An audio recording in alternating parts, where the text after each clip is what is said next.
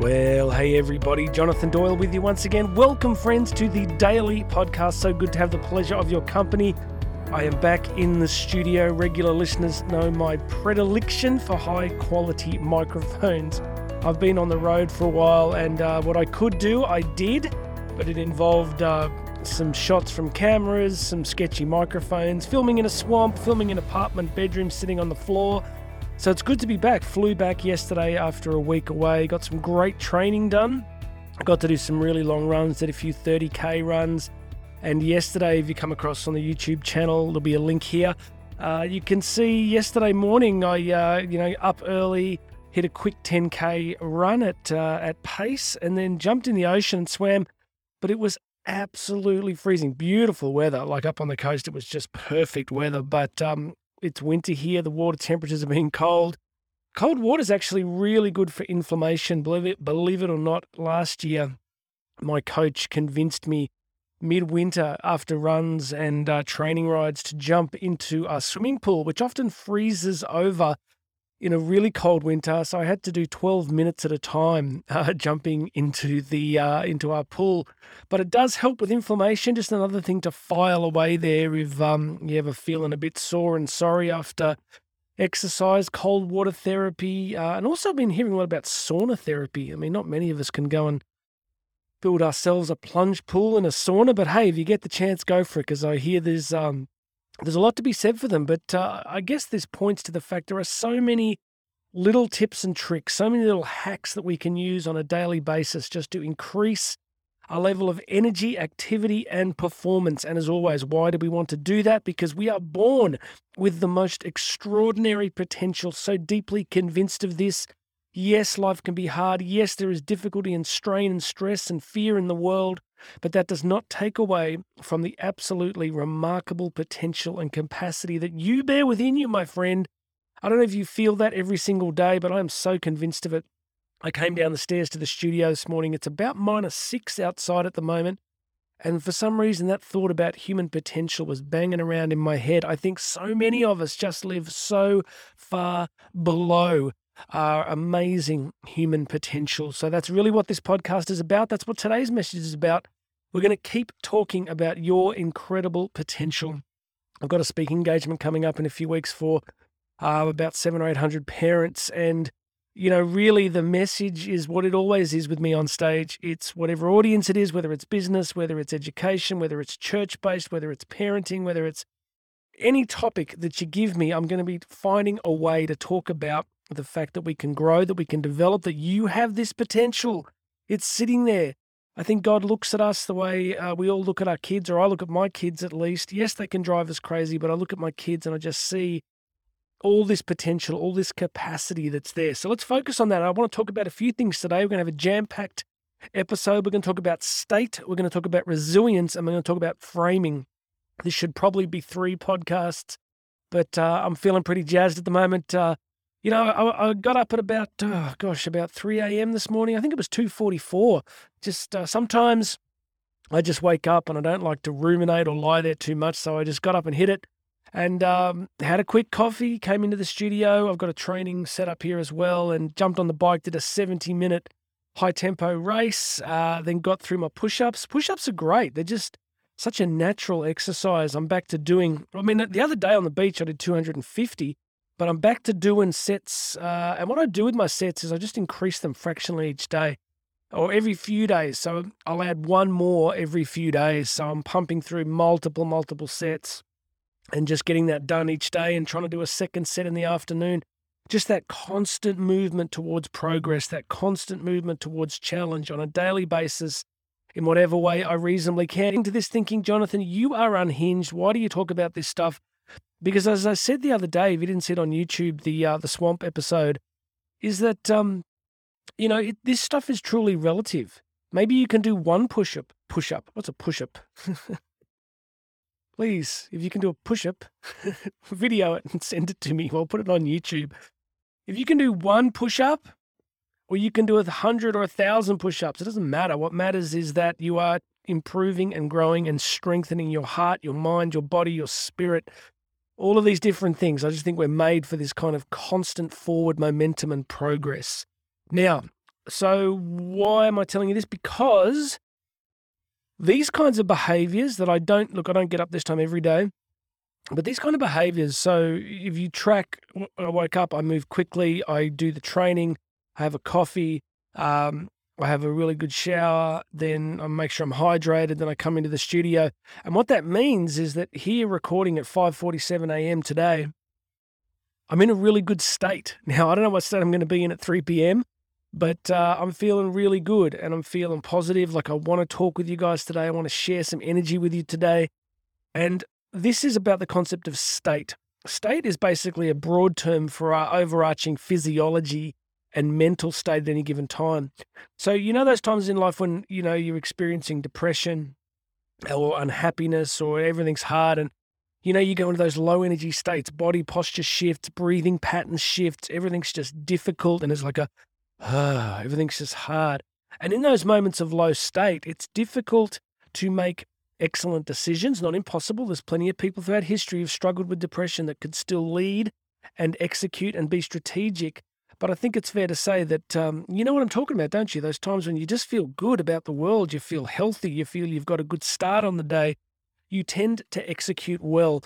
So I just want to refer you to be thinking about this concept of state. What are you eating? How are you building your days? What do you do when you first get up? So many people let the day happen to them.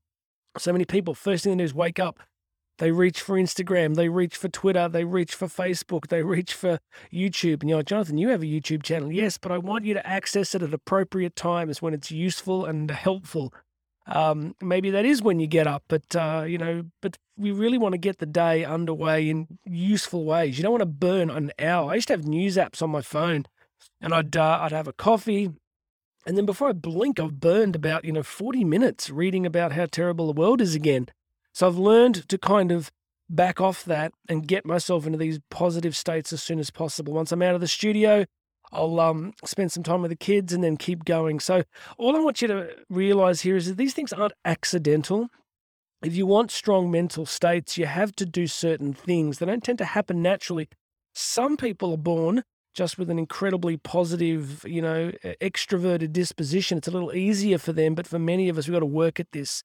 So, really, I think the ability to move our bodies early in the day, to be moving, to be fueling ourselves properly, to be doing little things we enjoy, like a good shower or music or whatever those things are, to get you moving, eh, you know, uh, uh, and get you underway well. I said a few days ago, we talked about activation energy. Often you won't feel like it. I've said, you know, this is probably the greatest theme in all of my podcasting is that we often won't feel like doing the things we need to do. We only need enough energy to get out the door. You know, when I jump on the bike, you know, eh, once the race has started, I'm eh, it's midwinter here, so I'm using Zwift, using an online training platform where I race against people around the world. And you know, once you once you started, once you're three or four minutes into the race, you're off, you're going. You know, once I go on a run, as I said the other day, it's the first 500 meters is is often difficult, but once you're moving, you're moving. So, you know, these things are hard for you if you find that your morning routines are difficult.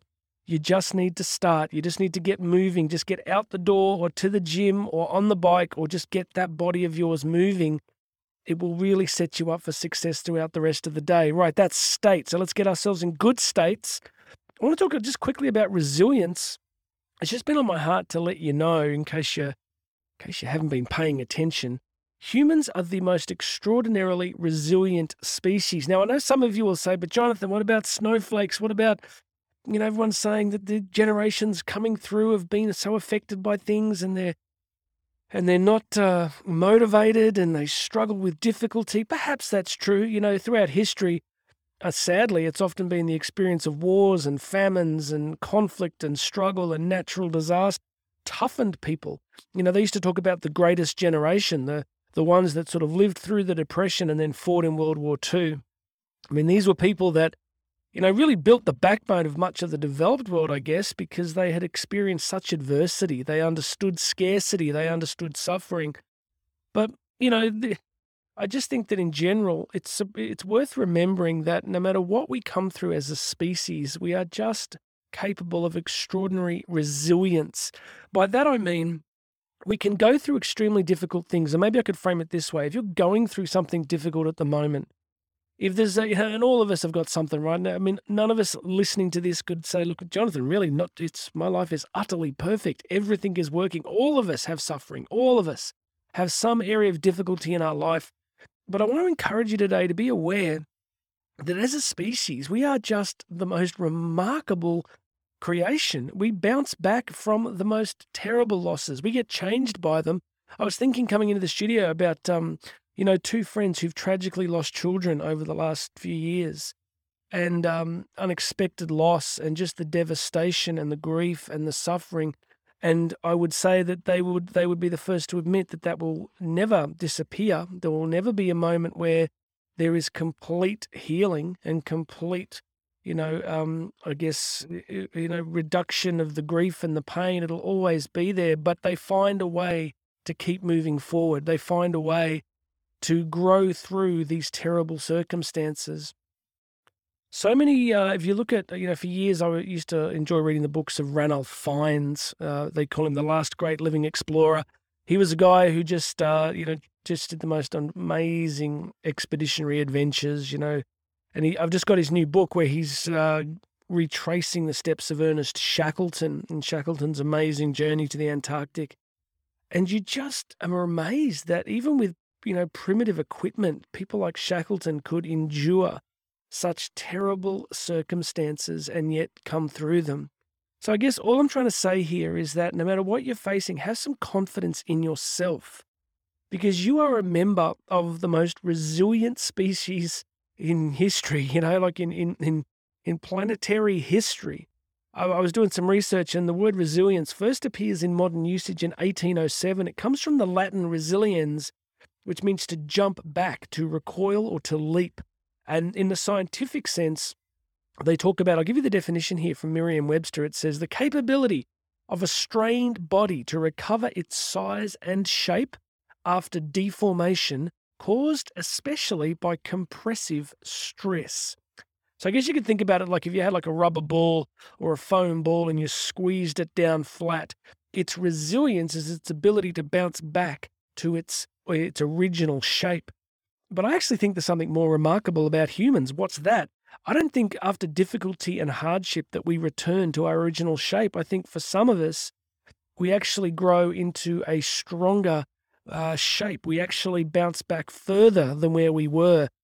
You know, I think that the difficulties of life can crush us or they can wound us and challenge us, but then force us into being stronger people, whether that's physically, emotionally, spiritually. We can grow in compassion if we experience loss. We can grow in empathy. So, if you're dealing with something right now, I'm not going to tell you just to move on or that it's not real because I don't know your circumstance and I would imagine it feels very real for you. But have some hope, have some faith. No pain lasts forever, no loss is truly permanent. And you may find that in time, if you can hang in there, and allow the work of difficulty and adversity and loss to shape you, you might be finding in a, a, certain period of time that you've not only survived what you thought was incredibly difficult, but that you have actually grown beyond it. So, friends, we've talked about state, we've talked about resilience. The last thing I want to mention today is probably worthy of a podcast all of its own. It's on framing. Framing is simply the way in which we construct our interpretation of time and time frames.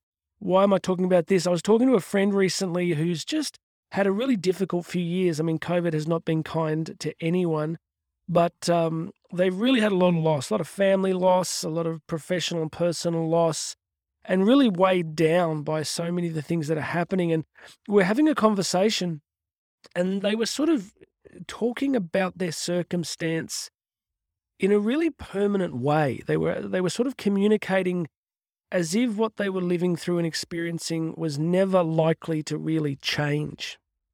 And I and you know if it's if it's one of the gifts that I have, it's kind of my fascination with the I guess the architecture behind people's thinking, the kind of beliefs and patterns that people are holding on to when they express things. Often we, when we're talking, we don't realize that our our communication is coming out of very deep beliefs, and sometimes we just need someone to listen to us and reflect that back. So this framing thing was happening where that their problems, and this is often what happens in depression. They talk about you know, um, attribution errors in depression, which is when people are experiencing low mood, they see the problems that they face as what is it, permanent and pervasive, that they're going to last forever and that they're going to affect all areas of life. That's why they're called pervasive.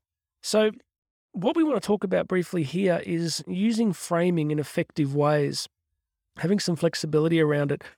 I'm increasingly of the opinion that uh, framing life in 24 hour increments is, I think, the bulk of the time, a really good way to go. A really good way to go. Why?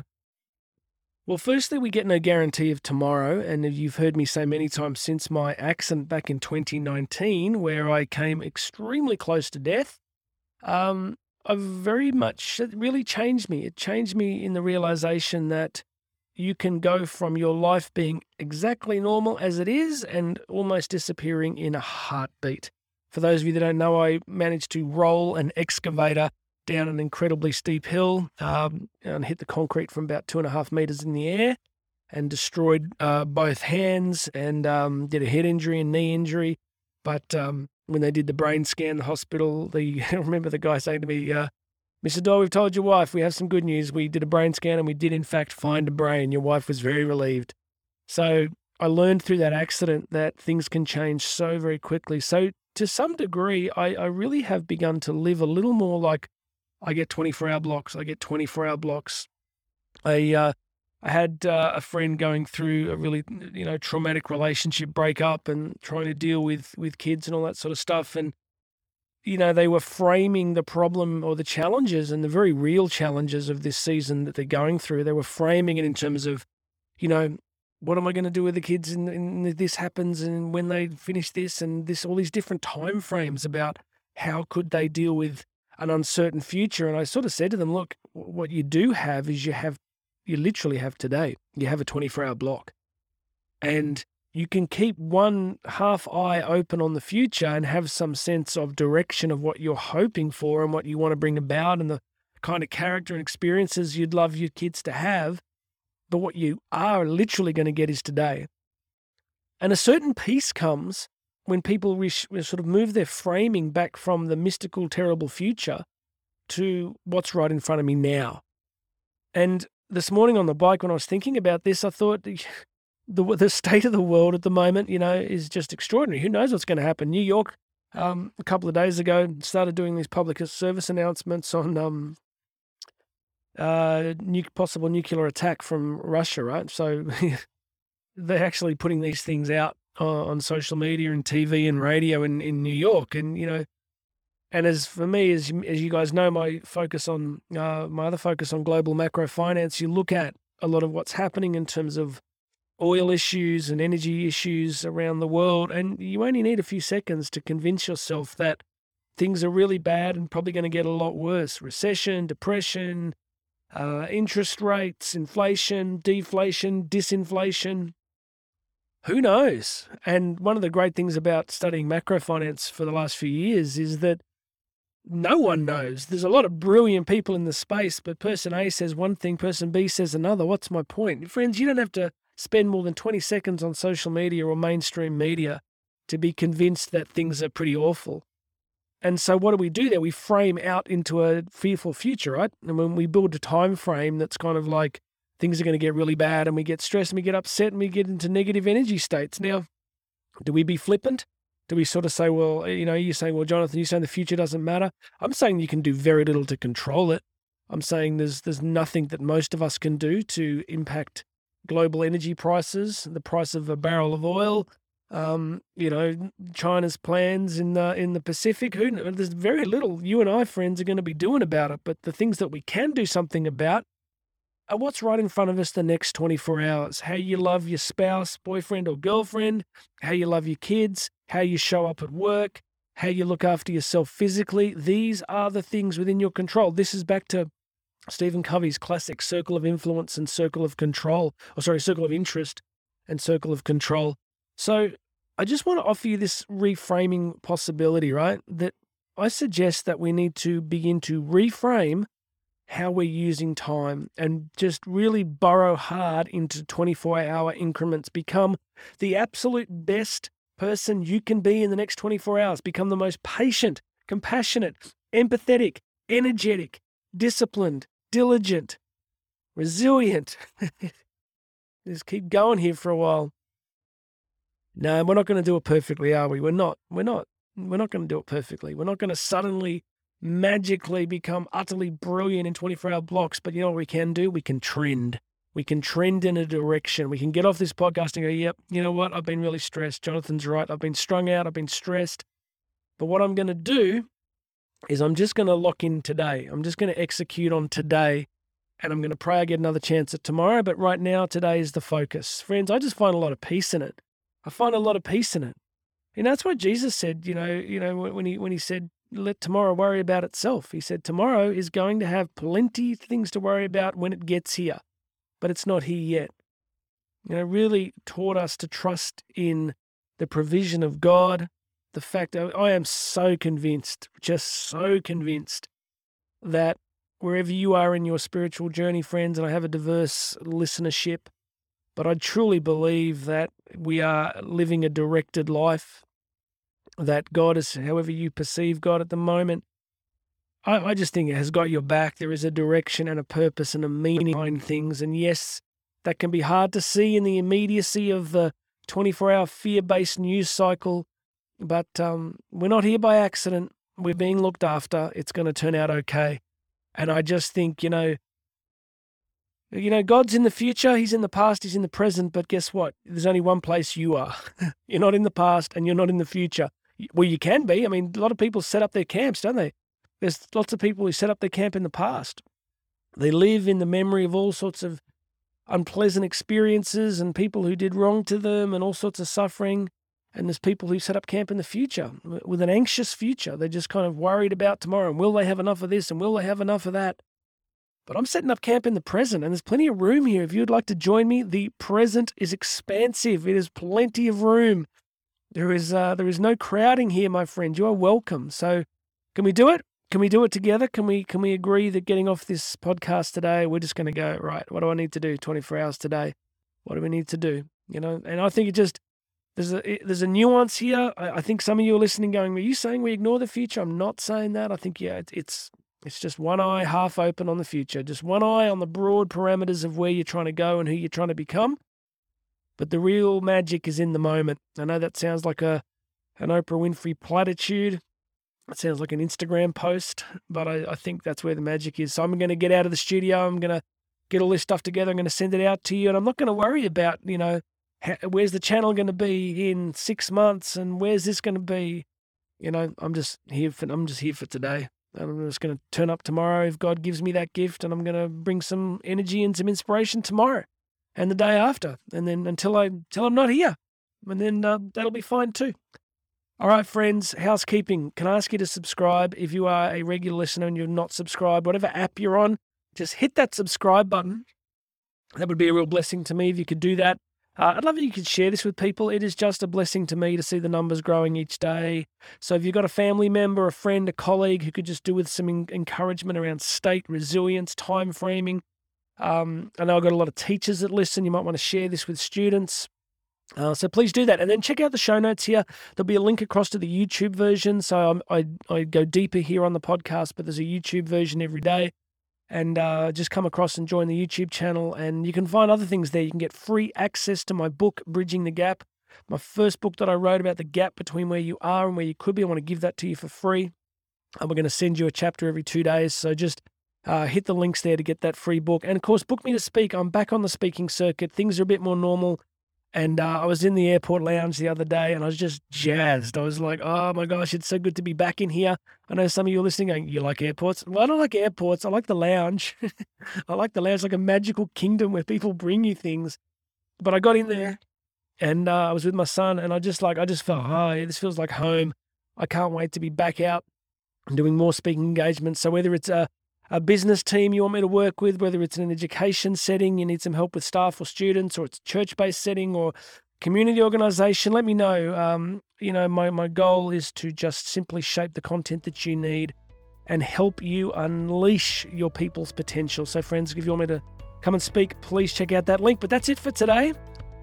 thank you so much for this journey. These podcasts seem to be getting longer. I know your regular listeners going, Jonathan, these are, these are, these are creeping up. I, I care about you guys.